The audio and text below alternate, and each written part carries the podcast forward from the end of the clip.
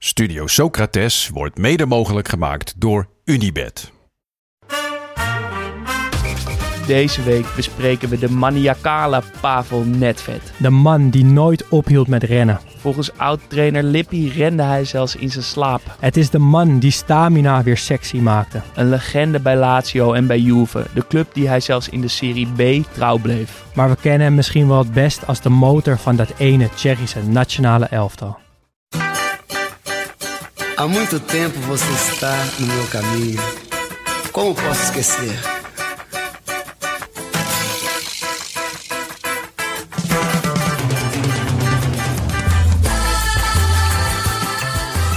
Welkom bij Studio Socrates, een podcast over alles wat voetbal mooi maakt. A beleza é você, menina. Menina,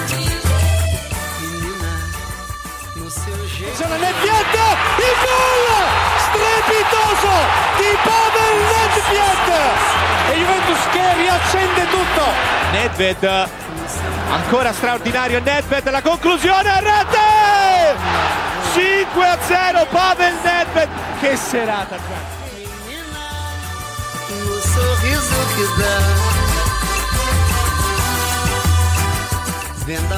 Amor. Menina, Hey Jasper, Hey Daan, hoe is ie? Het is goed. Ja, gaat het Het is goed? goed. Ik heb zin in vandaag. Eh, een speler bij wie heel veel luikjes open gaan. Uit jouw koker? Uit mijn koker dit keer. Meer daarover straks, want er, er moet iets, eh, mij iets van het hart. Er knaagt iets aan me. Vertel, vertel, vertel. Ehm, ik eh, was aan het werk bij, eh bij Café de Druif, zoals ik veel aan het werk ben. En een vaste luisteraar van ons is ook een vaste gast van de Druif. En we hebben het dus vaak over voetbal. En hij, jij was ook even langs op een avond. En toen was hij er ook en jullie raakten in gesprek. En hij had het over voetbal en de Druif en weet ik veel wat. En hij noemde mij de Dirk Kuyt van de Druif. Het zit je niet mee met bijnamen, gewoon de laatste tijd dan, hè? Nee, ik- kijk, het is natuurlijk minder erg dan het Spangersmannetje. Ja, ik, ik, durf, ik durf het niet hardop uit te spreken. Nee, ik ben ook, dat heb je, daar heb je ook helemaal gelijk in. Ik ben ook de enige die dat mag zeggen. Maar de Ehm, Dirk uit van het drijf.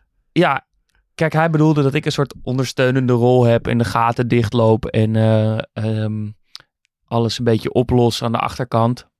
Hij bedoelde het positief wel. Hij bedoelde het denk ik positief, maar het zit me toch niet lekker. Nee, want ik heb het ik. gevoel dat ik wel meer ben dan de Dirk Kuyt. Ik heb het idee dat ik daar toch wel met iets meer flamboyance, iets meer flair Ja, daar sta dan alleen een harde werker uit Katwijk.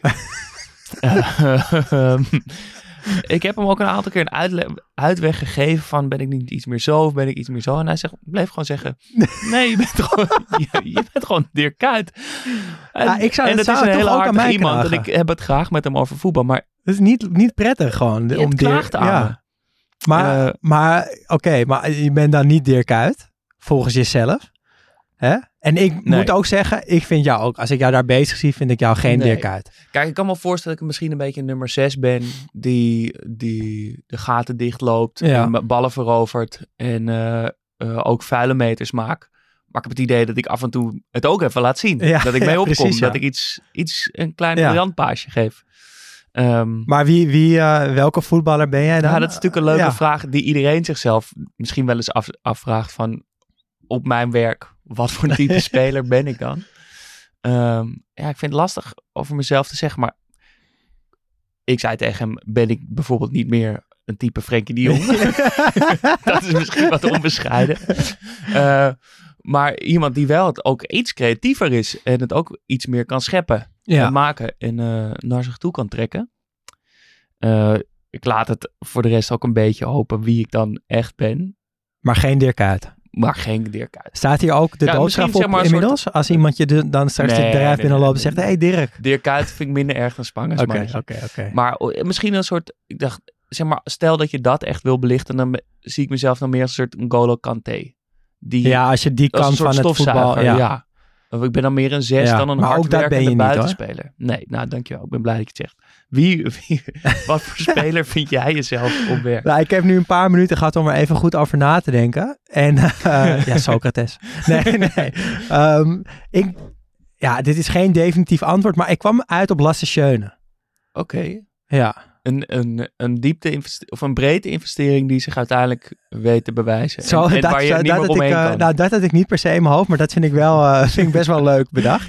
Want ik, was natuurlijk, ik ben niet binnengehaald als een, als een top aankoop bij, eh, bij ESPN. Eh, nee, ik dacht een beetje, ik vind Lasse Schöne betrouwbaar. Ik denk dat ik dat ook wel ben in mijn werk. Eh, hij, is, Het wordt een soort hij is wel, hij is wel dit. ja, spelbepalend. Hè? Dat, dat eh, kan ik natuurlijk ook zijn. Ook zijn. Eh, Ik en vind hij, wel- heeft, hij heeft een vleugje genialiteit Ja, bij Vlagen ja, ook. ja, ja. Ik zie dit al voor me als een soort functioneringsgesprek. Ik vind het wel een dat je zo ja. tegenover elkaar komt zit zegt, Daan, hoe vind je zelf dat het gaat? Ja. En denk je dan zegt, nou, Nou, als, ik vind het eigenlijk dat het een beetje gaat zoals eh, dat ene jaar toen Lasse Schöne net bij Ajax kwam. ik heb het idee. Dat, nou, misschien eh, hebben wel meer luisteraars zo, dat idee van zichzelf. Van, nou, ik functioneer in mijn werk een Ja. beetje zoals die of die speler in. Het is een hele leuke vraag. Ik had er eigenlijk nog nooit over nagedacht en dat is wel gek, want ik vind het echt een leuke Ja, vraag. de- maar stuur ook vooral in als je jezelf op een bepaalde manier inschat. Als je de. Riquelme van, eh, van je kantoor bent. Lui. Ja. in de positiefste Ja. zin van het woord. ik ben gewoon heel lui. Ja. Doe zo min mogelijk. Ehm, Oké, we gaan naar eh Pavel Netvet. Ja. Eh, het was mijn... Ben je niet gewoon een Pavel Netvet eigenlijk dan? Ik loop wel veel. Ja. Op een, eh, op een drukke vrijdagavond eh, en het terras zit vol ook aan de overkant, dan eh, heb ik wel 25.000 stappen. Ja, dan ben je meters Dus aan het maken. in die zin zou je mis- misschien Ja. wel kunnen zeggen, maar nee, zoveel drive, zo'n Nee, trainingsbeest, nee. dat ben ik niet. Nee. Nee, dat zou ik te- mezelf te, te, te veel eer aan doen. Ehm, maar Pavel Netvet dus, stond al lang op onze lijst. Die we, ja, wij hebben een soort lijstje waar we af en toe namen op zetten, maar het ook vaak weer vergeten. Ehm, daar stond hij al een tijd op. Hij, het is ook een speler die veel door luisteraars wordt aangevraagd. Ja, opvallend veel Ja. vond ik wel. Eh, niet alleen individueel, maar ook als onderdeel van het Tsjechische nationale elftal van begin jaren 2000. Hebben we een aflevering over hebben we gemaakt? een aflevering over gemaakt. Een elftal wat je helemaal uit je hoofd kan eh, noemen. Maar luister die dan dus ook vooral terug, want hij is geweldig. Met, ja, met ook gekke spelers als Ja. Uri die je ook ja, kent. Ja, die ken je daardoor. gewoon, ja. Eh, maar het is dus ook een speler die een beetje, het deed me een beetje qua insteek een beetje denken aan de aflevering die we ook over zijn teamgenoot bij Juve maakten, Del Piero. Ja. Zo'n naam die er gewoon is, die je voor lief neemt, die er gewoon altijd is. Een hele grote naam, maar die nog wel wat invulling kan gebruiken. Want Ja. ja, wat, wat was het nou precies? Of zo? Wat, die naam is, is een beetje een hol begrip geworden, een, een, een buitenkant. Maar die proberen wij met, met deze aflevering dan wat meer in te vullen. Ja, we gaan inhoud geven aan, het, eh, aan, het, aan de voetballer Pavel Netvet. Eh, en dan beginnen we zoals altijd met een korte introductie. Pavel Netvet is een Tsjechische middenvelder. Hij begon zijn carrière bij kleine clubs in zijn thuisland. TJ Skalna, TJ Chep, TJ Skoda Pilsen. Het waren opstapjes naar het roemruchte Sparta Praag. Eh, hier speelde hij vier seizoenen voordat hij de oversteek maakte naar Italië. eh, naar Lazio Roma. Uh, Toenertijd een grootmacht in de Serie A in ja, eind jaren 90. Netvet won hier de Scudetto, de UEFA Cup en hij groeide uit tot een bepalende middenvelder van zijn generatie. Um, in 2001 kocht Juventus hem voor heel veel geld. 41 miljoen was het geloof ik. Uh, en met dank aan zaakwaarnemer Mino Raiola werd hij een van de best betaalde spelers ter wereld. Hij bleef tot het eind van zijn carrière bij, uh, voetballen voor de oude dame. En hoogtepunt naast de vele Scudetto's was het winnen van de Gouden Bal in 2003. Uh, Netvet speelde bijna 100 interlands voor Tsjechië en hij is geboren op 30 augustus 1972 en is 51 jaar oud. Vind Oud ik oud. Ja, vind Ja. ik echt oud. Hij heeft natuurlijk ook een lange carrière gehad. En Ja. dat viel sowieso op als je dat lijstje nu ziet. Dat hij zo lang dan bij Sparta uh, blijft. Ja, Dat hij dan daarna ook nog eens heel lang, vier seizoenen bij Lazio best speelt. wel lang ja. Dan dus ook acht jaar nog bij Juve speelt. Het zijn allemaal lange, lange hoofdstukken waar Ja. hij overal zichzelf echt als een soort legende vestigt voordat hij doorgaat. Ja, en ik ben er dankzij de podcast ook wel achter gekomen dat ik dus heel erg hou van dit soort spelerspaspoorten. Liefst dan wel, eh, zeg maar, vier clubs in vier verschillende landen. Ja, dat is En dan mooi. bij elke club jaartje of drie, vier, zoiets. Ja, dat is denk ik het en ideale dan heb je echt spelerspaspoort. tijd om jezelf eh, te Ja. vestigen. Turam kwamen we laatst tegen. Monaco, Juventus, Barcelona. Prachtig, toch? Kan een strik omheen. Ehm, Waar moet je het eerst aan denken bij, eh bij ja, Pavel? dat is toch een wedstrijd van Tsjechië tegen Nederland. Een wedstrijd die er volgens mij heel veel was. Ehm, in mijn herinnering was het de legendarische wedstrijd op het EK 2004. 2-3 werd het voor de Tsjechen. Met de wissel van Robben voor Bosveld. Precies. Maar vooral ook een geweldige wedstrijd. Meer daarover eh, later. Maar het was blijkbaar niet die wedstrijd, want ik heb het geprobeerd terug te zoeken. Ehm, maar het was een andere wedstrijd. Ik kon niet vinden welke, want het waren er dus veel. Veel Nederland-Tsjechië. Ehm, maar het was een wedstrijd waarin Netvet Nederland, of in ieder geval mij thuis en met iedereen met wie ik zat te kijken, helemaal gek maakte. Hij bleef maar gaan. Hij Ja. was niet te houden. Hij was overal op het veld. Overal zat hij tussen. Hij bleef maar opkomen. En zo'n speler waar, waar, waar, waar je helemaal gek van wordt, je eigenlijk ga- aan gaat irriteren, maar tegelijkertijd ook heel veel bewondering van hebt. Van dat, dat iemand zo goed Ja. is en dat je zoveel last van iemand kan hebben. En ik weet dat dat in die wedstrijd, dat hij dus maar bleef gaan en uiteindelijk werd hij, hij moest al een keer naar de kant voor een blessure en daarna brak hij zijn arm volgens mij. En kwam hij terug. En dus dachten wij thuis van, ah, We zijn van wat hem af. zonde, maar hè, hè, we zijn van hem af. En toen kwam hij met een ingegipste arm weer terug. Toen, ik weet nog hoe wanhopig ik werd. Ja, ja, ja. Kan het nou niet? Gozer blijft maar gaan. Is niet te stoppen. Eh, ja, zo'n zo'n speler eh, was het. Ehm, ik heb het even opgezocht. In een periode van eind jaren 90 tot begin 2000 moest Nederland voor mijn gevoel dus elke week ongeveer tegen Tsjechië. Dat viel best mee. Het waren er negen wedstrijden in tien jaar. Vind ik alsnog veel hoor. Toch best veel. Ja, speel je En, elk eh, jaar tegen elkaar. En waarschijnlijk ook omdat het eh, ja, niet zo goed ging, meestal. Van de, van de twaalf interlands in totaal, waarvan er dus in die Ja. periode de meeste werden gespeeld. Drie gewonnen, drie gelijk, zes verloren. Dat zijn geen goede cijfers. Ge- Nee. Geen goede cijfers. Nee, Wat ja, was het eerste waar jij aan moest denken? Nou, dus ook wel gelijk aan dat Tsjechische elftal met Koller, Netvet, Rosicki, Ujfalusi, Grigera, Galasek, Petr Cech. Je kan ze gewoon echt bijna Ja. alle elf in één keer op, eh, opnoemen.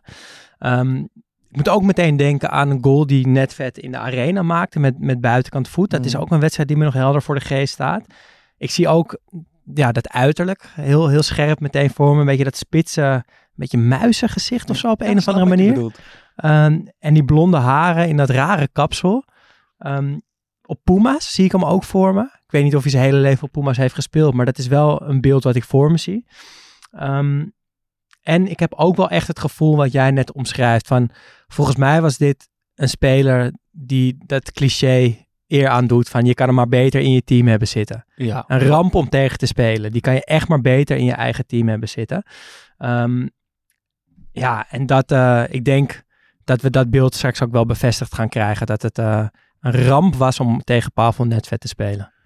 Eh, ja, dat is natuurlijk een grote kwaliteit. Nog even over die goal die jij net aanhaalde in de arena. Het was eh 2004, Juventus kwam op bezoek.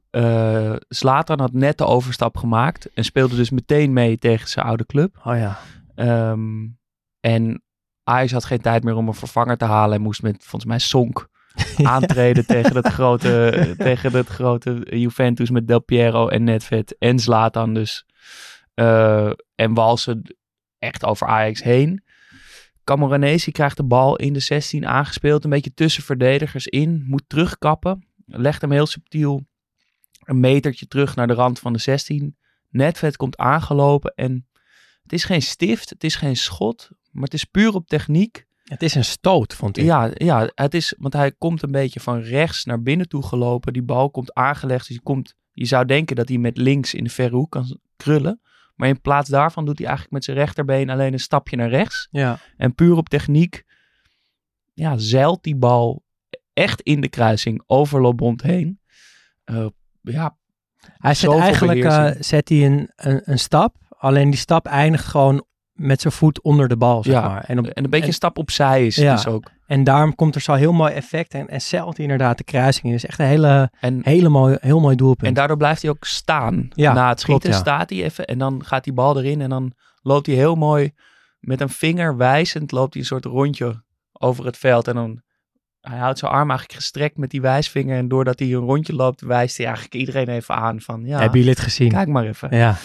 Eh, maar wat je zegt, inderdaad, in die wedstrijd, maar dus ook in alle wedstrijden tegen het Nederlands elftal, een speler die je die het liefst kwijt zou, het liefst weg zou zien, maar tegelijkertijd ook van geniet. Wat, wat zijn nog meer van die spelers voor jou? Ja, dus die het teams waar jij van houdt altijd moeilijk hebben gemaakt, maar waar je stiekem ook wel van kan genieten. Ja, Ehm, ja, Mark van Bommel. er is natuurlijk een Ja. periode geweest dat PSV een aantal jaar achter elkaar won in de arena. Of in ieder geval resultaat pakte daar. En ik kan me nog één wedstrijd herinneren. Volgens mij was ik op een verjaardagsfeestje van iemand en we waren in een zwembad. Dus we, ik kon die wedstrijd niet kijken. Eh, en dan na, na de wedstrijd keek je dan op teletext om, om te zien hoe, hoeveel, hoeveel Ajax gevoetbald had. En toen, volgens mij was het 1-4 of 2-4 voor PSV en had Van Bommel vier keer gescoord. Ja, dat, dat was wel een speler die heel vervelend was eh, tegen Ajax vooral dan. Eh, maar toch ook dat je ook wel eerlijk moest toegeven, hij is gewoon heel goed ook. maar die heeft het, het, zeg maar, sommige spelers willen goed zijn voor een team. Andere spelers, zoals Van Bommel, verheven, die verheffen de kunst van het irritant zijn om vooral tegen te spelen. Dat je gewoon de tegenstander zo moeilijk te ma- mogelijk Ik denk te dat maken. hij inderdaad extra goed wilde zijn tegen Ajax in de arena. Ja. Dat straalde er wel vanaf. Ik moest meteen denken aan een wedstrijd. Ik ben een keer in eh, San Siro naar een wedstrijd geweest in de donkere jaren van eh, Milan. Ja, Ik supportte ze toen wel. Ik heb toen een jaar in Milaan gewoond. Dus ik, ik was natuurlijk wel...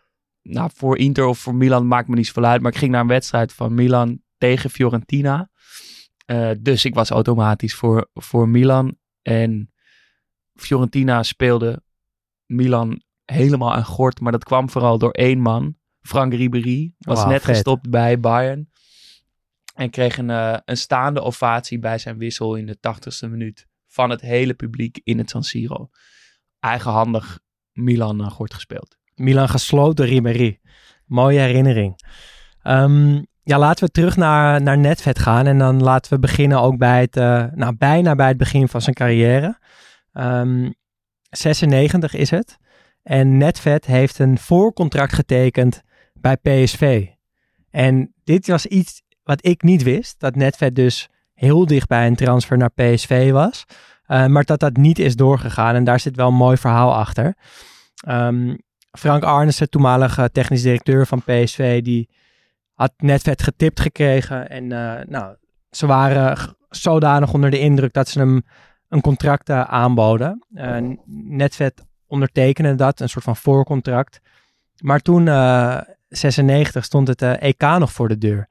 Eh, Tsjechië, een land wat eigenlijk nooit wat presteerde op het eh, Europese eh, voetbal, op de eindtoernooien deed nu wel in één keer heel goed, want ze haalden de finale. eh verloren die finale van Duitsland. En Netvet was een van de beste spelers van het elftal. Eh, dus er was opeens wat meer mogelijk dan PSV. Lazio Roma kwam om de hoek kijken. Netvet nam een eh, nieuwe zaakwaarnemer in de arm, een Mino Raiola. en dan weet je het wel. Raiola maakt zijn eerste grote transferdeal met Netvet dus als speler. En dat wordt niet PSV, maar dat wordt Lazio Roma. En ik vind het sowieso wel een mooi verhaal dat dan iemand op zo'n toernooi opeens kan ontploffen. En dat de wereld aan je voeten ligt. Eh, en dat dit dus de eerste grote transfer van Raiola is. Vind ik ook vet. Want net vet Raiola, toen, ik wist het ergens wel van, oh ja, tuurlijk, die, die hebben een soort van connectie samen. Maar ik wist niet dat het de eerste transfer van Raiola was.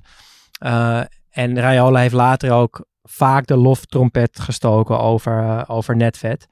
Eh, hij, hij kon naar Real uiteindelijk, hij kon naar Manchester, hij kon naar Barcelona. Wilde hij allemaal niet, hij wilde lekker in Italië blijven. En eh Raiola heeft het wel eens uitgelegd dat Netvet gewoon niet zo van verandering houdt. Dat hij eh, loyaal is, dat het bij hem draait om voetbal, om familie en niet per se om geld. Wat dat betreft is het natuurlijk een beetje een slechte match met Raiola. Want bij Raiola draait volgens mij wel ongeveer alles eh, om geld. Maar het past ook wel weer heel goed bij elkaar. Die twee, die twee zo samen, toch? Ja, hij zorgt natuurlijk wel heel goed Ja. voor zijn spelers. Dus ik heb wel het idee dat hij, dat hij altijd luistert naar wat zij willen. En dat is voor ons, voor de buitenwereld, bekijken we het toch vaak vanuit een club die je support. Of Ja. voor een elftal wat je, wat je eh, mooi vindt spelen. Of, eh, Zou jij maar zaakwaarnemer willen als je, als je nou, ik denk voetballer was? misschien toch wel. Ja? Ja, want eh, nou, ja, je haat hem dus als fan van een club. Omdat hij puur voor het belang van de speler gaat. Ja, Dus als speler haal- haalt hij het. En dat is uiteindelijk zijn taak ook, toch? Om, om die spelers te vertegenwoordigen. En daarvoor haalt hij het onderste uit de kan. En alle spelers die bij hem zitten, of zaten, lopen met Ja. hem weg. Liepen ja maar hem ik weg. vind wel dat, dat ehm, hij heeft natuurlijk op een gegeven moment ook heel veel van die hele grote jonge talenten onder zijn hoede gehad. Eh, zoals eh nou, Brian Brobby of uh, Wassim Boei. Nog langer geleden zo'n jeugd, soort van jeugdspeler van Ajax. En ik had wel het idee dat hij op een gegeven moment dat soort jongens wel heel snel naar Italië leidde. Dat ik een beetje dacht van, is dit nou Hm. per se in het belang van de speler? Of zie je gewoon een grote zak geld, wat natuurlijk ook een belang van die speler is, maar misschien niet het belangrijkste belang. Nee, dus ik sportieve toch- belang raakte wel, Ja. misschien wel eens op de, achter, op de achtergrond. Ja, maar ik denk dat voor de echte topspelers, waar dat soort keuzes dus niet gemaakt hoeven te worden, want ze staan al aan de top, dat je echt niemand beter kan hebben dan, eh, kon hebben dan Raiola. Ehm, maar nog even terug naar die bijna transfer Ja. van Netvet naar PSV, dat had voor mijn gevoel fantastisch gepast, toch? Netvet Ja. en de club PSV. ja, ik had het wel voor me gezien. Ja, Nu, nee, ja, net, net als Noah Lang naar PSV. nu Ja, jij dat, zei dat, dat, dat gelijk. op een of andere dat. manier. Ja. Dat klopt of zo. Ja, Bellingham naar Real had ik dat ook heel erg. Toen hij in die aanloop een keer een interview gaf dat hij niet naar, eh, dat hij naar een echte voetbalclub wilde. Dus niet naar City bijvoorbeeld, omdat het allemaal zo nieuw geld en zo. En. Real en Liverpool bleef geloof ik een beetje over. Toen werd het Real. Nou, dat past natuurlijk ook heel goed. En het hoeft, kijk, daar, pas, daar pakt het sportief natuurlijk ook heel goed uit. Maar soms is het al genoeg dat het op papier van tevoren al Ja, heel mooi klopt. De Rossi naar Boca. ja. Dat soort transfer, dat wordt uiteindelijk niks. Maar dat daarvan op papier zeg je, ja, dat, is, dat past. Ja. Dat is supergoed. Dat is, En goed dat dat ook gewoon gebeurd is Ja. nog. Bijna transfers zijn, vind ik ook mooi. Dus Netvet bijna naar PSV. Eh Eto'o bijna naar Ajax, die ene zomer. Eh, of afgelopen zomer, dat, dat op een gegeven moment, dat was een heel kort gerucht, maar het was er wel eventjes, dat Arsenal eh, zich wilde gaan mengen in de strijd om Mbappé. Ja. Ja, toen dacht ik, oh ja, dit zou toch dat zo mooi op passen. een of andere manier, oh, toch als een soort Henri-kopie-achtig daar weer. Dat eh, past voetballen. perfect. Ja. Trabelsi naar Arsenal. dat hij bij PES al bij Noord-Londen zat. Zo, eh, zo dicht was hij bij een transfer naar Arsenal. Is natuurlijk uiteindelijk nooit doorgegaan. Maar dat zijn, ja, zijn altijd wel mooie dingen. Eh, maar Netvet gaat dus niet naar PSV, maar gaat naar, eh, naar Lazio. Eh, club waar hij van 96 tot 2001 zou spelen. En waar hij zou uitgroeien tot een van de beste middenvelders ter wereld. En ja, ik vergiste me daar altijd nog wel in. Maar ik dacht, ja, Italië, Lazio, Lazio Rome, waarom is dat nou zo bijzonder? Nou, eind jaren 90 was dat gewoon het epicentrum van het Europese topvoetbal. Al die mooie spelers voetbalden in Italië. En Lazio was een van de ploegen die bepaalde in de Serie A. En dat kwam vooral dankzij de miljoenen van de Italiaanse zakenman Sergio Cranotti. Eh, ja, de club, eigenlijk de tweede club van Rome groeide uit tot eventjes de grootste club van Italië. Eh, met als hoogtepunt 1999-2000 toen ze kampioen werden. Een elftal met echt geweldige namen. Mancini, Nesta, Veron, Michailovic, Marcelo Salas. Ja, En, ga zo maar door. en ga zo maar door. Echt geweldig. En een jaar eerder schoot Netvet eh, de blauwhemden tegen Real Mallorca nog eh, naar winst Europa Cup. eh, UEFA Cup eigenlijk. Dus dat was echt wel een bijzondere tijd met Netvet in dat lichtblauwe shirt van Lazio. Ja, en dat verhaal van die, naar dat ultieme hoogtepunt, de Scudetto in, in 2000, i- heeft ook een mooie aanloop. In 1999 staan ze op de ene laatste speeldag nog eerste, maar spelen ze gelijk tegen Fiorentina en verspelen ze die koppositie dus in het zicht van de haven, verliezen ze hem. Ehm, en daardoor wordt het kampioenschap van het jaar daarna extra zoet. Lazio staat op de laatste speeldag eh, tweede. Juventus hoeft alleen te winnen van het nietige Perugia. Lazio eh, moet winnen van eh, Regina. Lukt dat? 3-0. Moeten kijken naar wat Juventus doet. En die verspelen die koppositie. En ze worden dus op de laatste speeldag kampioen. Voor het eerst in 26 jaar tijd. Vier dagen later spelen ze ook nog eens de bekerfinale tegen Inter. Die ze ook nog eens winnen. En ze dus de dubbel pakken. Ehm, en dat is dus meteen ook het absolute hoogtepunt van die gloriedagen Ja. van Lazio. Geweldig shirt, geweldig team. Hadden we zo een aflevering over kunnen maken. Maar het kaartenhuis dondert daarna toch een beetje in elkaar. Dat alles of niets voor zo'n succes. Ja, dat wordt dan na zo'n succes toch niets. Eh, Maar is het en, dan alles of is het dan niet? Ja, wat mij betreft is het Of is het het gewoon allebei? eh, we hebben het hier volgens mij eerder over gehad in de aflevering over het wonderseizoen van Twente. Die ook Werden Ja, kampioen in de Eredivisie. Joop maar- Munsterman met, met eh, allemaal, eh, Met allemaal trucs. trucs. Ja. Is dat het waard, achteraf gezien? Ik denk het wel. En het is lelijk natuurlijk, want er zijn allerlei smerige spelletjes voor nodig. En er komen hele donkere dagen daarna. Maar voor een club die normaal altijd in de subtop, misschien net eh, of middenmoot meedoet, Ja. één keer ja. die kroon te pakken, is volgens mij een aantal jaar zwoegen, is dat het waard, toch? Je Ja. hebt toch liever ja, als je die hebt club... toch liever, in plaats van altijd vijf te worden, heb je toch liever gewoon één keer eerste en daarna een paar seizoenen keukenkampioen-divisie. Ja, whatever. Je kan Als je maar wel weer terugkomt. Als die, want je, in Engeland heb je natuurlijk af en toe voorbeelden dat zo'n club het probeert, dat het niet lukt. Dus dat eigenlijk het, hè, dit aanvallen van de top al mislukt. Dat ze wel eh, tegelijkertijd die club naar de galamies hebben geholpen. Dat ze degraderen en dan nog een keer, dan nog een keer. En dat het gewoon klaar is met zo'n club. Dat, ja, dat- dat gaat te ver. maar ja, maar zolang je dus één keer kampioen wordt, Ja. één keer een prijs pakt, dan is het, de, dan is het, het waard. Ja, en dan eventjes ver wegzakt. Want je moet wel op de blaren zitten, maar uiteindelijk weer langzaam terugkrabbelen. Dan is het het zeker waard, ja. Maar ik denk dat Lazio-fans misschien nog steeds wel teren op, op dat kampioenschap echt zomaar van, eh, kunnen. van 2000. Ja. Ehm, maar dondert het, het het jaar daarna dus een beetje in elkaar. Netvet en Veron worden onder groot protest van de fans uit financiële nood verkocht. En ja, nu zijn ze gewoon weer tweede club van Rome. Ja, ja en Netvet eh, wordt verkocht aan de concurrent, aan Juventus. En dat is een transfer die tot stand komt met veel heisa. En natuurlijk eh, wordt de transfer weer begeleid door Mino Raiola. Ehm, ja, dat project bij Lazio loopt dus op zijn einde. Die, eh, de zoon van de voorzitter, Carnotti, eh, ja, die heeft het niet zo op, uh, op Netvet en Netvet ook niet op hem. Uh, Lazio, nou, ingestort. Netvet wil weg. Maar Raiola wil hem eigenlijk naar Engeland of naar Spanje brengen. Maar Netvet wil gewoon in Italië blijven. Wat ik net ook al zei, hij houdt niet zo van verandering. Hij heeft het goed in Italië. Dus ja, hij wil in Italië blijven. En Juventus is eigenlijk de enige club die hem, die hem kan betalen. voorzitter van Juventus, Foggy, 4G moet ik denk ik zeggen. Die eh, denkt eigenlijk heel simpel. Ja, die netvet, die scoort altijd tegen ons. Dus eh, volgens mij moeten we hem gewoon hebben. En Rayola, die heeft tegelijkertijd ook maar één doel. Die wil dat netvet meer gaat verdienen dan de man die, die eh, vervangt bij Juventus. Ja, en dat is uh, Zinedine Zidane. Ja, ga, ga er maar eens aan staan. Ja, en Rayola zou Rayola niet zijn als het hem nog lukt ook. Dat hij Netvet een beter contract bezorgt dan dat eh Zinedine Zidane had. Ja, en Netvet eh, moet los van de druk van die, dat enorme contract en die enorme transferfee, moet hij ook nog eens sportief die schoenen zien te vullen van de beste middenvelder aller tijden.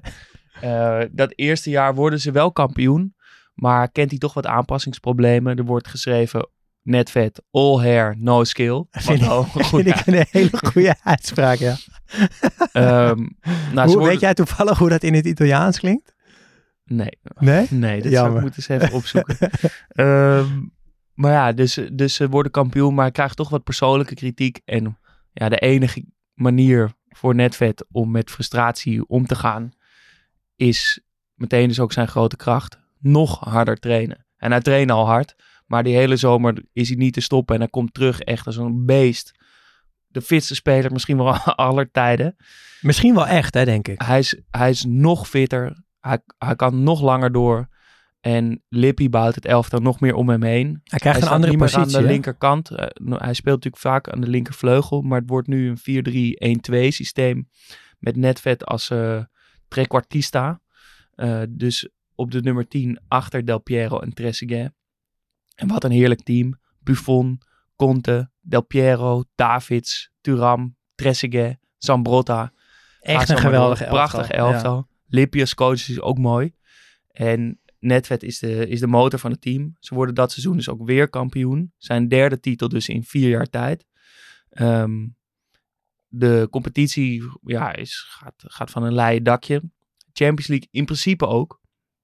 Ze worden eerste in de eerste groepsfase in een pool met Feyenoord.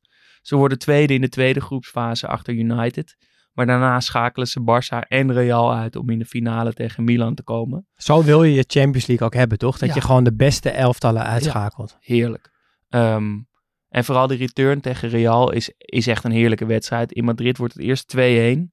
Maar in Turijn staat Juve aan de hand van Netvet op. Het wordt eerst eh, 3-0 door goals van Trezeguet, Del Piero en een heerlijke Netvet goal. Een diepe bal. Netvet is natuurlijk altijd in beweging. Gaat diep. Komt een beetje tussen twee verdedigers uit. Kan wel soort van door op de keeper. Maar hij heeft niet de pure snelheid. Nee. Maar wel de visie om de bal in één keer vanuit de volley.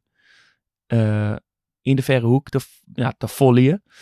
3-0. En het is een beetje zoals die, die goal van Robben tegen Spanje. Hij is zo fit. Hij kan gewoon niet ophouden met rennen. En Bij rent het dus- juichen niet bedoel je? ja, dus hij rent nadat hij die volley erin schiet door 20 meter nog langs het goal. Over de boarding heen. Over de tweede boarding heen. Over de Sintelbaan heen. Om het helemaal in de catacombe ongeveer met de fans te vieren. Eh, publiek is uitzinnig. Eh, Wedstrijd beslist ook, zou je wedstrijd in zeggen. principe Ja. beslist 3-0 tegen Real. Het is ongelooflijk. Zidane doet vervolgens nog wel iets terug, de 3-1. Maar dan komt daar toch een moment. Een soort een beetje een lullig duel op het middenveld. Steve McManaman heeft de bal. Draait zich, draait terug. En Netvet was hem aan het opjagen. Lijkt een beetje verrast door die omkeer van McManaman. En een beetje halfvallend, lullig. Niet echt hard, maar wel genoeg dat hij hem echt raakt. En Steve McManaman een beetje lullig voorover valt. Tikt een beetje zijn ene been tegen zijn andere been. Onnodig wel hoor. Onnodig. Je kan hem geven. Had ook niet gekund. De scheidsrechter had hem kunnen sparen, maar geeft toch de gele kaart aan Netvet. Aan Netvet. en dat betekent dat hij geschorst is voor de finale, want het is zijn tweede geel in die knock-out fase. Hij blijft zo zitten met zijn arm op zijn handen en knieën op het gras met Hij een kop omlaag. Die blonde haren vallen voor zijn gezicht. Hij moet hem echt incasseren, want hij weet wat het betekent. Duurt een aantal tellen en dan zie hem toch zijn hoofd oprichten, gaan staan, een paar keer heel diep zuchten. Want hij weet dat ze door zijn, maar hij weet ook wat het betekent. En na afloop is er een ereronde waarin hij in tranen het publiek bedankt en niet weet of hij een feest moet vieren of moet huilen. Eh, en dat is echt een onmenselijk, onmenselijk gevoel natuurlijk. Die, die Ja, gele en kaart onmenselijke regel gewoon, toch? Ja, dat kan Het is zo goed dat dat is aangepast. Ja, want het, Dat nou, één zijn lullig meer- momentje. Meer, voorbeelden ja. van, maar een finale missen. Ook voor de tegenstander wil je toch winnen van Netvet. Eh, die finale wordt dan uiteindelijk ook verloren van Milan op penalties. penalties, ja. Ja, wie weet, er zijn, er zijn allemaal mensen, er zijn veel quotes te vinden van eh Lippi en andere medespelers die zeggen, als we Netvet hadden gehad, hadden we die finale gewoon gewonnen. En ik, ik geloof dat denk ik ook wel, want hij is zo belangrijk in dat team. Ik geloof daar ook wel in. En het is ook nog een mentale tik die je denk ik krijgt als je je beste speler misschien wel op zo'n manier moet missen. Dat blijft toch een beetje hangen, denk ik. Het elftal wordt er ook minder van. En het is eh, ja, gewoon een gemankeerde finale op, op die manier. Dus het is een van de weinige goede dingen die de UEFA heeft aangepast de laatste jaren. Dat die eh, regel eh, niet meer bestaat.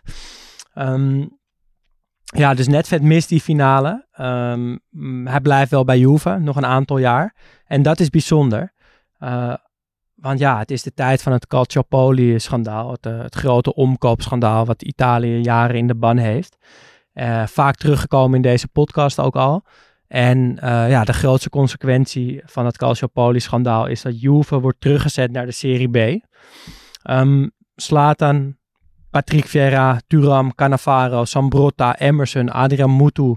Allemaal spelers die vertrekken bij Juve. Op het moment dat ze horen dat, ja, dat Juve wordt teruggezet. Ze willen niet in de Serie B voetballen.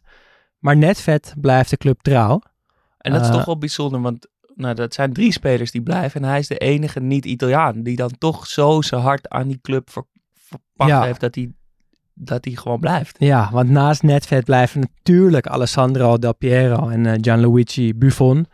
En ik denk dat Buffon het op de allermooiste manier uitlegt ooit. Wat het voor hem betekende om te blijven bij Juve op dat moment. En dat gold natuurlijk ook voor Del Piero en voor Netvet. Eh, maar Buffon verwoordde het als volgt. We verloren alles om iets te winnen wat niet meetbaar is en wat je niet in je prijzenkast kunt zetten. Respect en liefde. Ja, Oh. dat is wel echt een, eh, een schitterende quote. Ja, want die, die trouw, die, die, die fans, die zijn jou dan dus ook voor altijd trouw. En ik begrijp Ja. dat wel.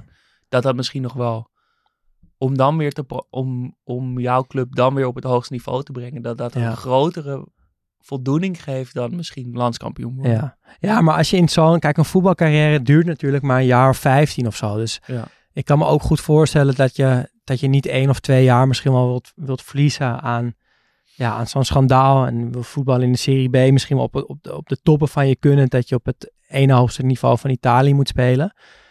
Maar ja, voor sommige gasten werkt het dus gewoon toch niet zo. Er zit zo'n club en zo'n zo'n supporterschare zit gewoon in hun hart.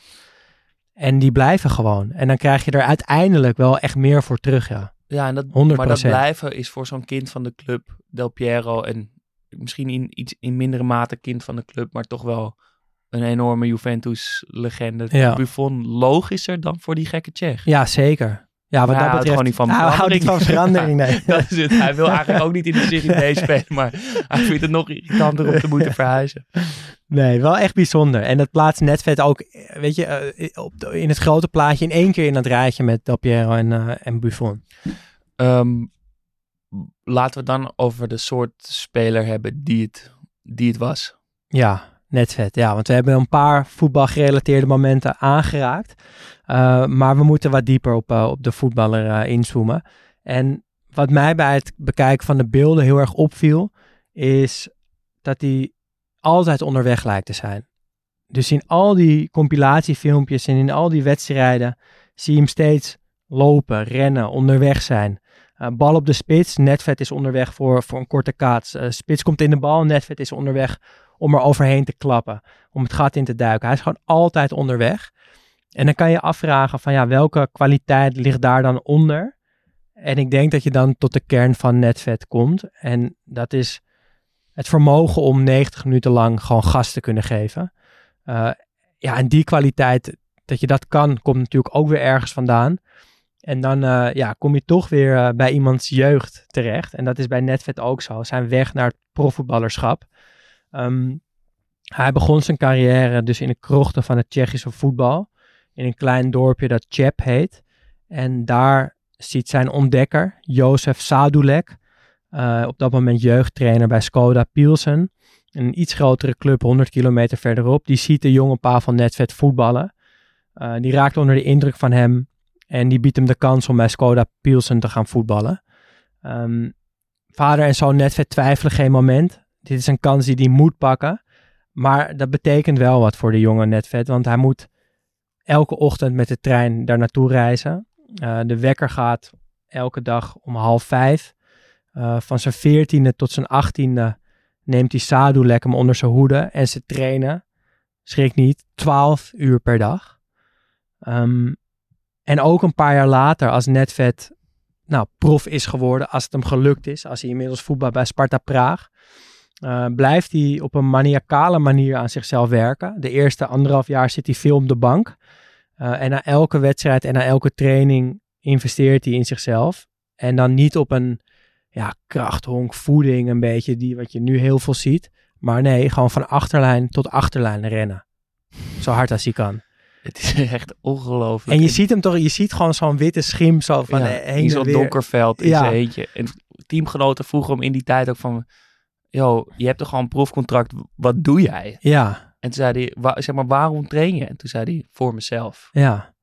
Ja, dat is Dat is ongelooflijk. En dan, ja, de kern gewoon. En ook, weet je, die materiaalman, het zal vast allemaal een klein beetje aangedikt zijn, maar die materiaalman die dan keer op keer eh, moet wachten totdat hij net vet klaar is met zijn loopjes, zodat hij die stadionlampen uit kan doen en naar huis kan gaan. Ehm, en het, ja, het klinkt logisch of zo, dat je zo erg in jezelf investeert, omdat het natuurlijk heel erg trainbaar is. Het klinkt ook heel maniacaal, van ja, op een gegeven moment is het toch wel mooi geweest of zo. Uh, maar Netvet heeft dat later wel goed verwoord waarom hij dat dan deed. Hij zegt, als ik binnen die vier lijnen sta, weet ik één ding zeker. Mijn tegenstander zal het nooit op conditie van me winnen. En die gedachte geeft me zekerheid. Het maakt me sterker. Want stel je nou eens voor dat het me wel zou gebeuren. Dat zou een enorme tekortkoming zijn. Een tegenstander kan technischer zijn, meer tactisch inzicht hebben. maar je mag nooit op conditie worden afgetroefd. Dat kun je namelijk trainen. En ik vind het de plicht van een prof om alles eruit te halen, om het toeval zoveel mogelijk uit te sluiten. Dan denk je als je dit leest, ja, logisch. Alleen doe dat maar eens elke Ja. dag, toch?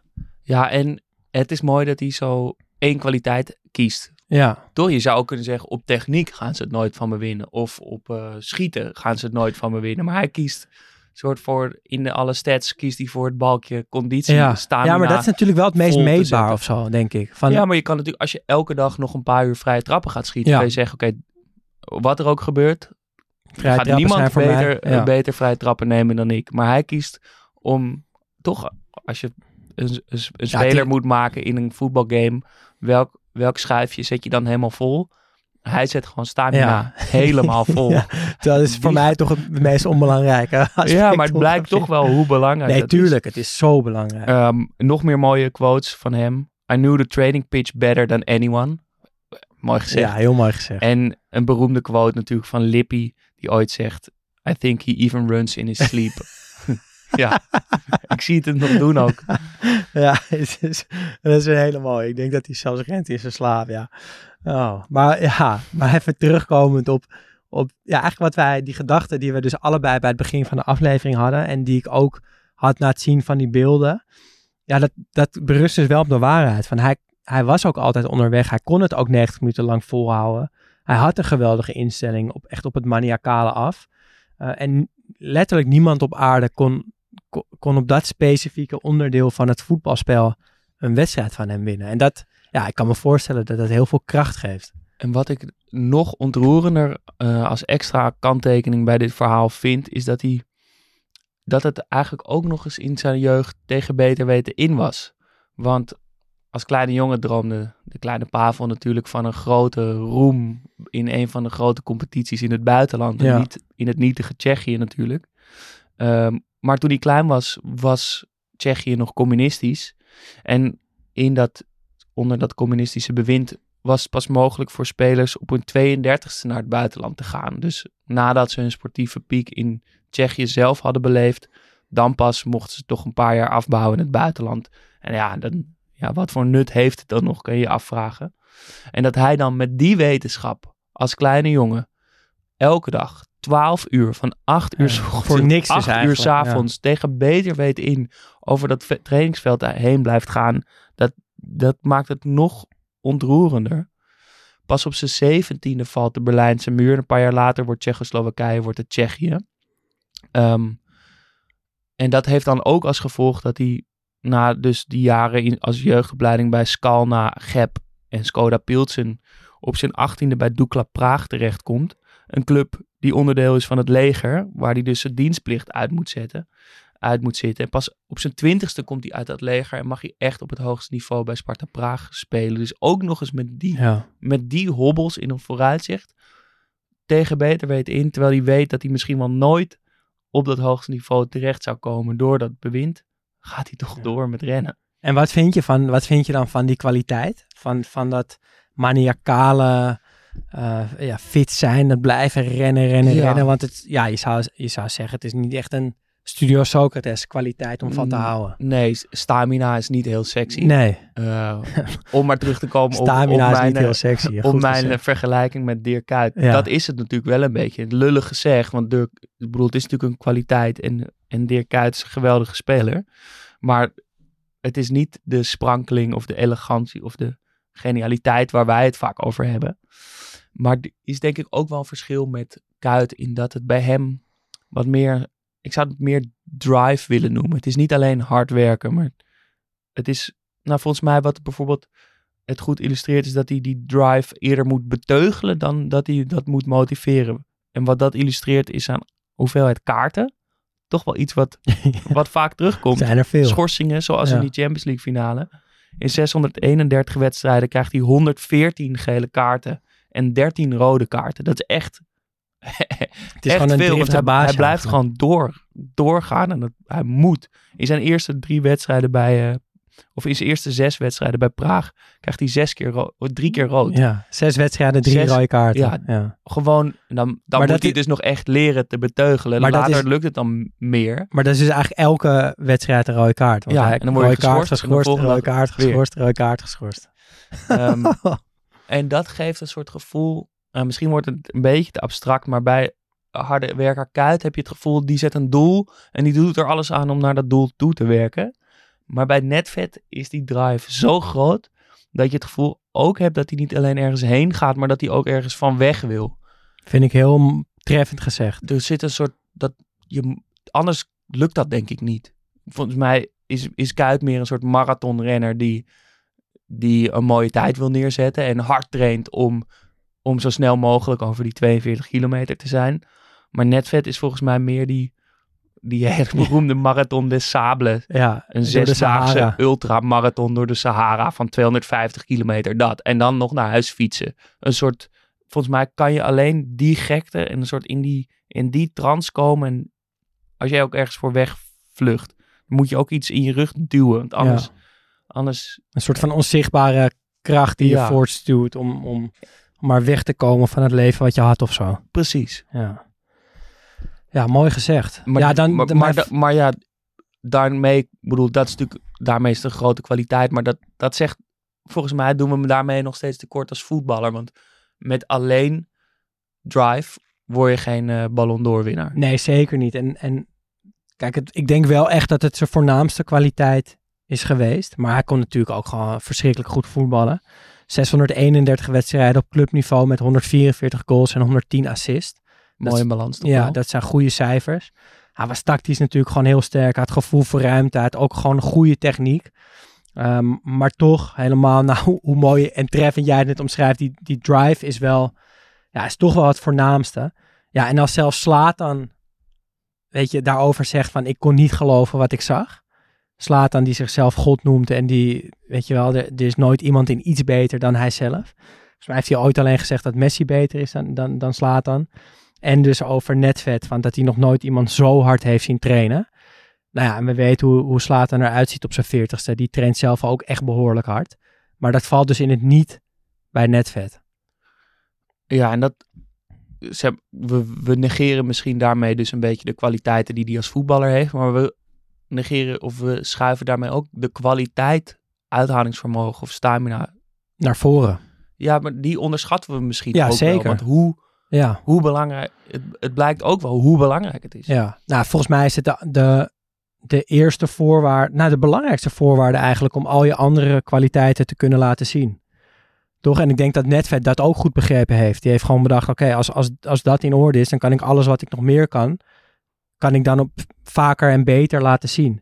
Want hoe vaak heb je wel niet dat spelers ja, niet alles laten zien wat ze in zich hebben. En volgens mij ligt het dan 9 van de 10 keer gewoon aan fitheid of aan vertrouwen. Maar eh, toch ook wel heel vaak aan fitheid. Van ja, het, het lukt niet, want je bent gewoon niet fit genoeg om dat 90 minuten lang 34 weken op rij te laten zien. Het is een soort hele stevige fundatie waar Ja. al je andere Ja, dat denk ik wel. ja. omhoog komen. En die heeft hij genoeg, dat inzicht, eh, die ruimtes vinden, zijn techniek. Eh, eentje wat we helemaal vergeten is zijn tweebenigheid. Nogal een jarenlang- belangrijke kwaliteit. ja. Jarenlang ook nog eens als kleine jongen getraind op, op twee benen. Volgens mij volstrekt tweebenig ook. Eh, past hem ook goed, vind ik. Echt, Zeker, een, echt ja. een tweebenige Ja, speler. maar juist ook omdat het zo trainbaar is Ja. waarschijnlijk. Dat het hem goed past. En nog een, een hele mooie specifieke kwaliteit, de volley. Echt iets wat hij, wat hij, wat hij ook aan zijn arsenaal heeft toegevoegd. Ja, maar dan wel, wel eh, de volley met een bal die een keer g- gestuiterd heeft, voor ja, mijn nou, er komen ook wel eens, er zijn ook veel goals waar een, een afgeslagen corner uit de lucht komt Ja. vallen en dat hij hem in één keer in de verre hoek ploft. Maar inderdaad, heel veel goals met een stuiter. En dan stuitert hij nog een keer op en dan vanuit een draai of vanuit inkomen of Ja. vanuit zijn loop. Eh, maar ook eh, vanuit, ja, eigenlijk vanuit alle hoeken en gaten werd hij die bal te, te, drukken vanuit een volley waar je hem toch vaak ook hoog over ziet gaan. En dan met dat, met dat schieten viel dan nog een keer nog meer op, behalve dat het vaak uit de lucht is, is dat gevoel, van, zeker met een volley, dat die bal komt aanvliegen en dat je hem volle kracht schiet en dat je hem niet op je voet voelt stuiteren. Toch de, de definitie van perfect raken. Ja. Dat die bal keihard Hij vliegt van je voet en je weet al, deze, dit wordt een doelpunt. dit wordt hem en, Ja. en hij doet geen pijn. Volgens mij is dat een van de lekkerste Zeker. Staat ja. hij in de top drie lekkerste gevoelens ter wereld. Het, een, een met regen volgezogen bal die net een klein beetje lek is. Net niet helemaal goed raken. Staat hem meteen ook in de bodem Inderdaad. van De laatste drie ja. gevoelens die, er, eh, die er zijn. Maar bij Netvet lijken alle schoten, of het nou volleys zijn of niet, lijken zo lekker van zijn voet te komen. Dat, dat perfecte Ja. manier van... Hij raakt ze allemaal vol en zo lekker. Ja. Het lijkt allemaal alsof hij het niet voelt. En, En op is- zoveel verschillende ja, manieren. het is vanuit stilstand, vanuit volle vaart, vanuit een volley dus. Vrije trappen, ook een grote kwaliteit. Van afstand, van dichtbij. Het is allemaal lekker erop. Ja. En hard Kletsen. kletsen. Erop kletsen. Ja, maar dan zo gevoelloos. Ja, ja, ja. Ja, het is een mooie kwaliteit. En, en ook lekker specifiek. Daar Ja. houden we van. Gewoon een, een volley op die manier eh, schieten. Ehm, ja, wat, wat heeft deze kwaliteit, of deze kwaliteit Tun eigenlijk? Wat, wat hebben die hem gebracht? Wat is zijn hoogtepunt dan geweest? En voor mij is dat toch wel het willen van een Ballon d'Or. Terwijl hij natuurlijk ook heel veel teamprijzen heeft gewonnen. Uh, maar in 2003 won hij de Ballon d'Or. Hij was toen 31 jaar oud. Werd kampioen met Juventus, haalde de finale van de Champions League. Ja, die miste hij dus door die vervelende gele kaart. Um, maar hij won dus wel de gouden bal. Hij werd uh, eerste voor Henry.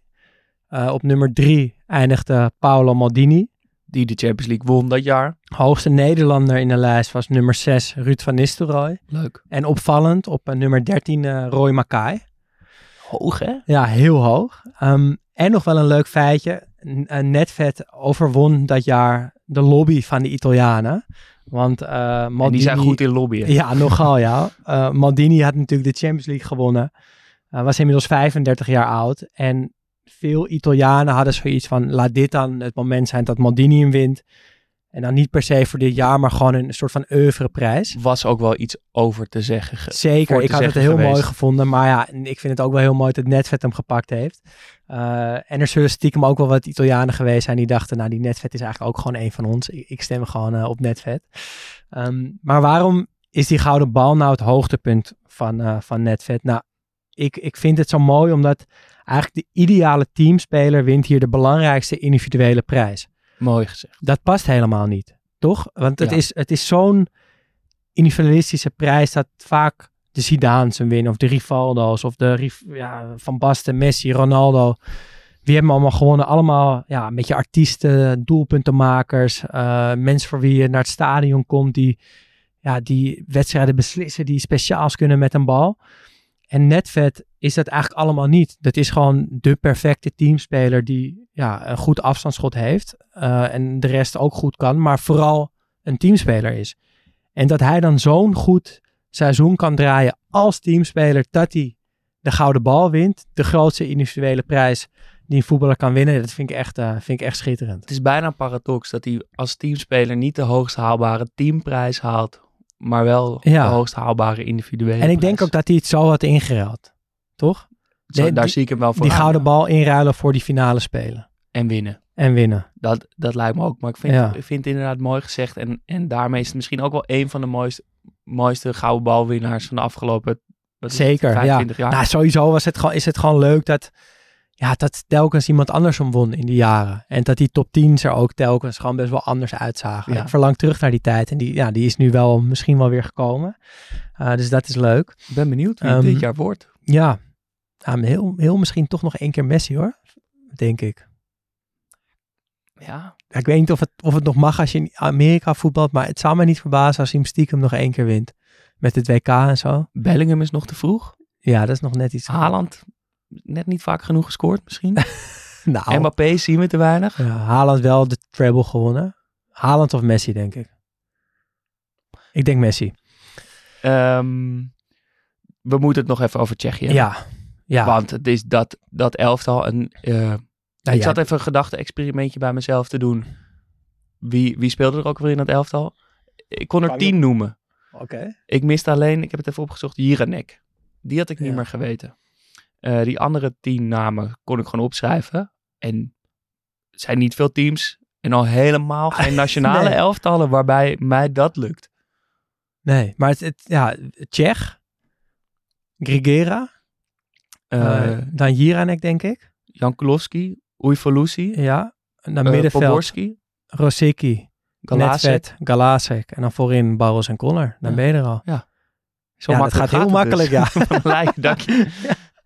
Wauw. Eh, Ja, maar geweld, inderdaad gewoon echt eh, een van de weinige. Ik kan het denk ik zelfs met Nederlandse elftallen eigenlijk Nee. niet. als je van een specifiek toernooi Ja. een elftal moet opnoemen, kom je denk ik niet ver. En, en ook bij Tsjechië het Bruckner als, eh, als coach. Ja, die, Die grijze, oude, wijze Precies. tovenaar langs de kant. ja, tovenaar vond ik hem ook, ja. Maar ja, wat, ja, wat een geweldig elftal, ja.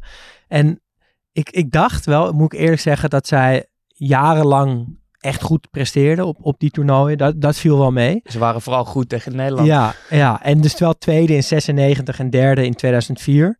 Uh, maar in de tussentijd misten ze bijvoorbeeld ook een WK met deze selectie. Dus het was niet alleen maar goed. Um, maar die wedstrijd waar jij de aflevering mee begon, die, de, wes, de wedstrijd van de wissel van Robben. Ik dacht, die moet ik nog eventjes goed terugkijken. Want ja, volgens mij was die wedstrijd wel wat meer dan die wissel. En helemaal als we het nu over Netvet hebben, dan, ja, dan wil ik toch zien hoe hij zich staan hield in die wedstrijd. Um, en hij was echt heel goed. Uh, en ook leuk dat alles waar we het over gehad hebben, dat je dat heel erg terug ziet komen in die wedstrijd. Overal op het veld te vinden.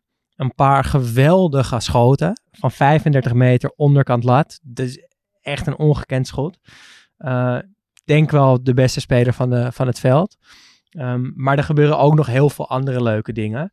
Uh, en David samen op het middenveld bij Oranje. Dat is volgens mij niet vaak voorgekomen. Hier wel. Seedorf raakt een keer de paal. Davids ook. Uh, Johnny Heitinga krijgt een rode kaart, maar scoort ook bijna met een, nou ook wederom een geweldige afstandsschot. Petter Cech tikt hem uit de kruising, ongekend. Arjen Robben speelde natuurlijk vanaf links. Maar dat, je zou het bijna vergeten. Ja, zou je bijna vergeten. Maar die tijd speelde hij vanaf links en die van de meiden vanaf rechts. Barros maakt nog een hele mooie goal. Uh, ja, en dan natuurlijk nog die wissel. Maar die, die wedstrijd was echt zoveel meer dan, uh, dan alleen die wissel. Dat was uh, leuk om dat even terug te zien. Ja, ga die, kijk die, af, ja. die samenvatting vooral nog even.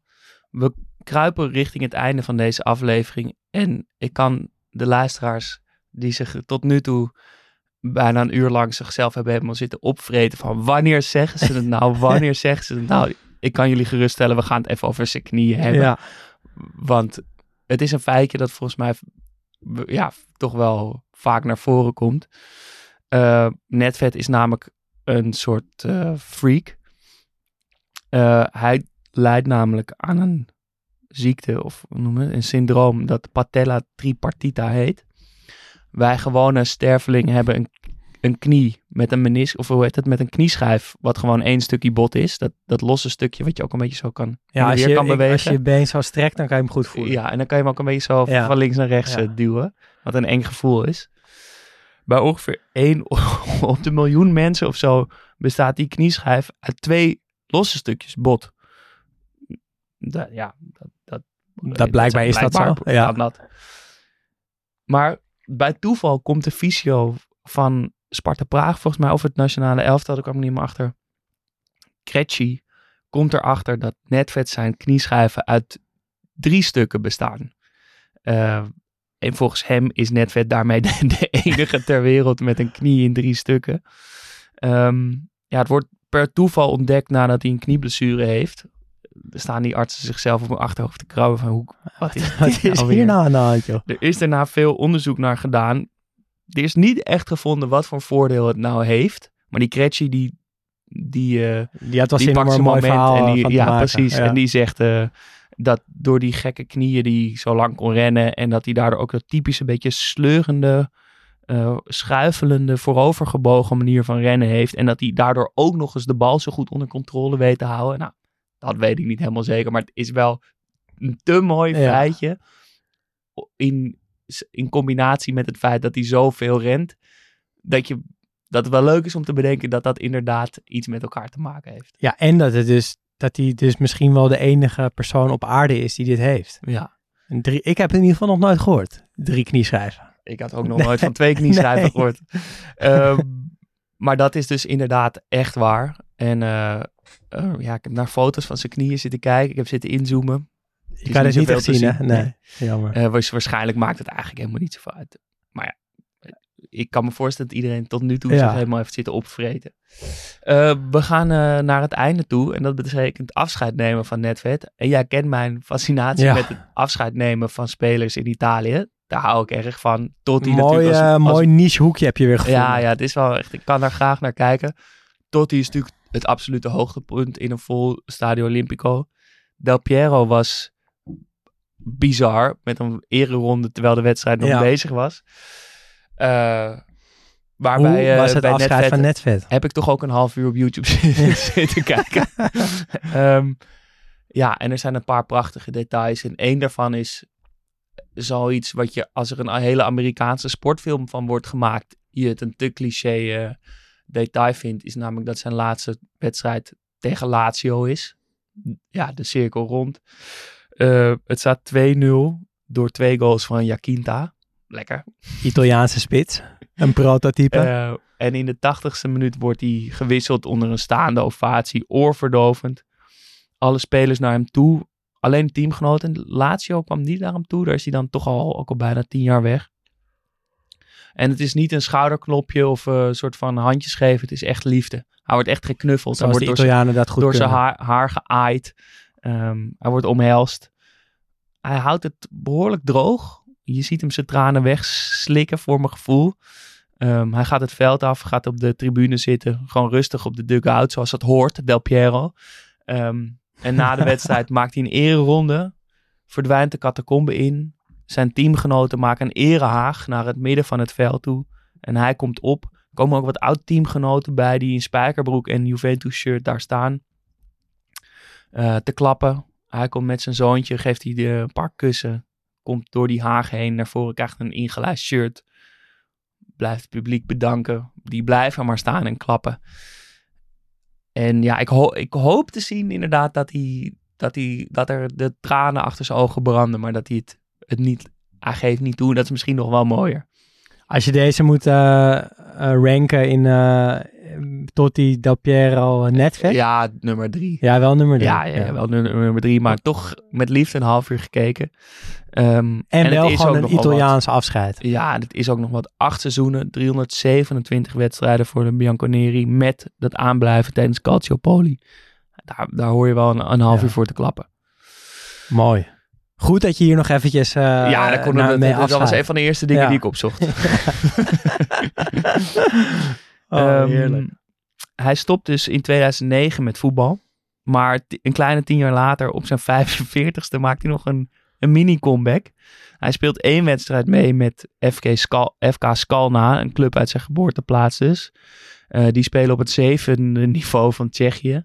Je denkt, ja, is dat puur en alleen maar om nog één keer bij zijn- zijn grote Ja. liefde te spelen? Nee, hij doet dat vooral omdat zijn zoon daar speelt en hij wil nog één keer met zijn zoon op het veld staan. Ze verliezen 4-1 en Netvet junior en senior weten allebei niet te scoren, maar ze staan wel één keer met elkaar op het veld.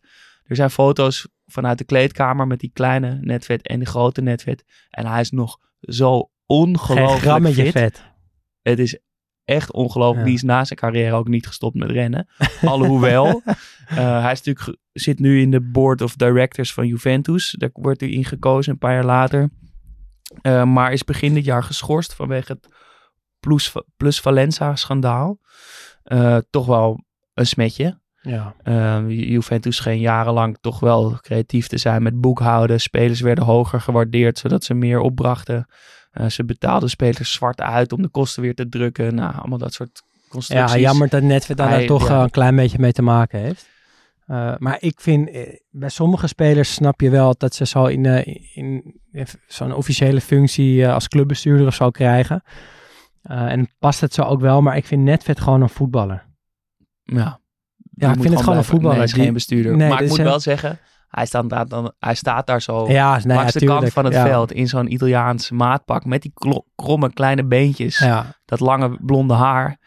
Het, staat er wel, het ziet er wel indrukwekkend ja. uit. nee, tuurlijk. Dat, dat, dat moet je hem nageven. Maar ik zou hem toch het liefst gewoon ja, misschien, eh, ergens kwam ik ook nog een quote tegen dat hij eh, na zijn carrière een heel groot huis met trainingsfaciliteiten wilde laten bouwen. Zodat hij daar zelf fit kon blijven, maar ook jonge mensen kon helpen, jonge voetballers kon helpen met echt fit worden. Ja, dat, dat lijkt me mooi, dat, je, dat we nu van die beelden zouden zien van Netvet, die is zo aan de rand van een bos. Met een soort van heel grote trainings... eh, een beetje zoals Vanenburg Iataren onder zijn hoede nam. Ja, bij die gekke kluizenaar het netvet aankomt die nog Ja. steeds aan het rennen is en die jou nog even leert ja, hoe je echt fit wordt. Ja, dat lijkt me, dat, dat had ik heel mooi gevonden. Ja, maar hij is toch eh, hij, is te lang in Italië geweest om eh, niet uiteindelijk in zo'n mooi ma maatpak eh, te, te belanden. Net vet. Oh. Ja, ik, ehm, ik, ik vond niet zo heel veel van Netvet en ik vind hem nu al eigenlijk al echt vet. Nee, ja, Nee, heel, heel vet. netvet. Heel net vet. Wat Eh, heb jij? Wat is jouw ja, gevoel? ik, ik had hem hoog zitten, maar ik wist dus niet zo goed waarom. En nu kan ik het onderbouwen. Ja, nu kan je het pl- een, plekje geven. Ja. Geen spijt van, hè? Nee, zeker Nee. niet. Een dankbaar eh, onderwerp voor een aflevering. En we sluiten het af en we gaan door naar Fanshoppie. De Fanshoppie eh is eh, nog steeds eh, open, hè? Fanshoppie op Instagram. Ja, we de, de tweede, de tweede wat, hoe noem je dat ook weer? Badge. Ja, die Deze staat, drop is geweest. staat online. De espresso kopjes die zijn allemaal verstuurd. Ik hoop dat ze veilig zijn aangekomen. We hebben hard ons best gedaan om ze in bubbeltjes plastic en mooie doosjes jullie kant op te sturen.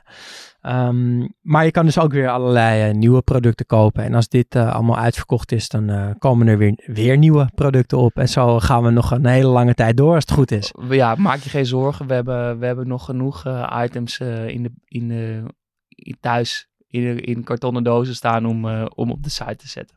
Ja, en vanaf volgende week gaan we ook via Vriend van de Show weer mooie dingetjes weggeven. Maar in de tussentijd kun je ook gewoon nog Vriend van de Show worden. Eh 2,50 euro per maand geef je ons eh, nou, een eh, lief setje in de rug om deze podcast te blijven maken. En dat kan via www.vriendvandeshow.nl slash Studio Socrates. Dan ehm, zijn we er vrijdag eh, natuurlijk weer. Het, het, middenveld staat. Ehm, ja, wat kan ik erover zeggen? Eh, en heel veel dingen, maar dat heb ik vrijdag allemaal al gedaan, dus dat ga ik niet nog een keer doen. Eh, en we gaan naar de aanval toe. Moeilijk vind ik het. Ja, jij hebt het, jij, voor jou was het gewoon allemaal invullen. Maar mijn rechtsbuiten ik- weet ik, mijn spits weet ik denk ik ook, mijn linksbuiten weet ik nog niet. we beginnen nu met rechtsbuiten. ja, rechtsbuiten, ja.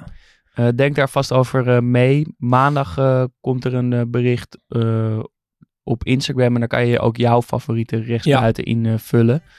Eh, Ja, Mart stelt altijd een, eh, een vraag ja. die gerelateerd is aan de positie en dan kan je zo'n mooie mok winnen. Dus doe dat vooral.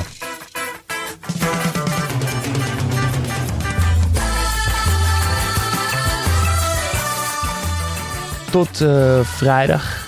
Maar niet voordat we hebben gezegd dat Studio Socrates mede mogelijk wordt gemaakt door FC Afkikken. En we zijn te vinden op Twitter en Instagram, studio-socrates. En op vriendvandeshow.nl slash studio Socrates kun je ons dus al steunen voor 2,50 euro per maand. En maak je elke week kans op een product uit onze eigen fanshoppie. Ja, dus word, het lekker, eh, word lekker vriend van de show. Ehm, daar zijn we heel blij mee. En eh, stuur ons een mailtje als je nou, meer kwijt wilt aan ons. Dat kan via studiosocratespodcast.gmail.com. En dan zijn wij er eh, volgende... nee, wij zijn er vrijdag natuurlijk We weer. zijn er vrijdag. Ja, tot vrijdag.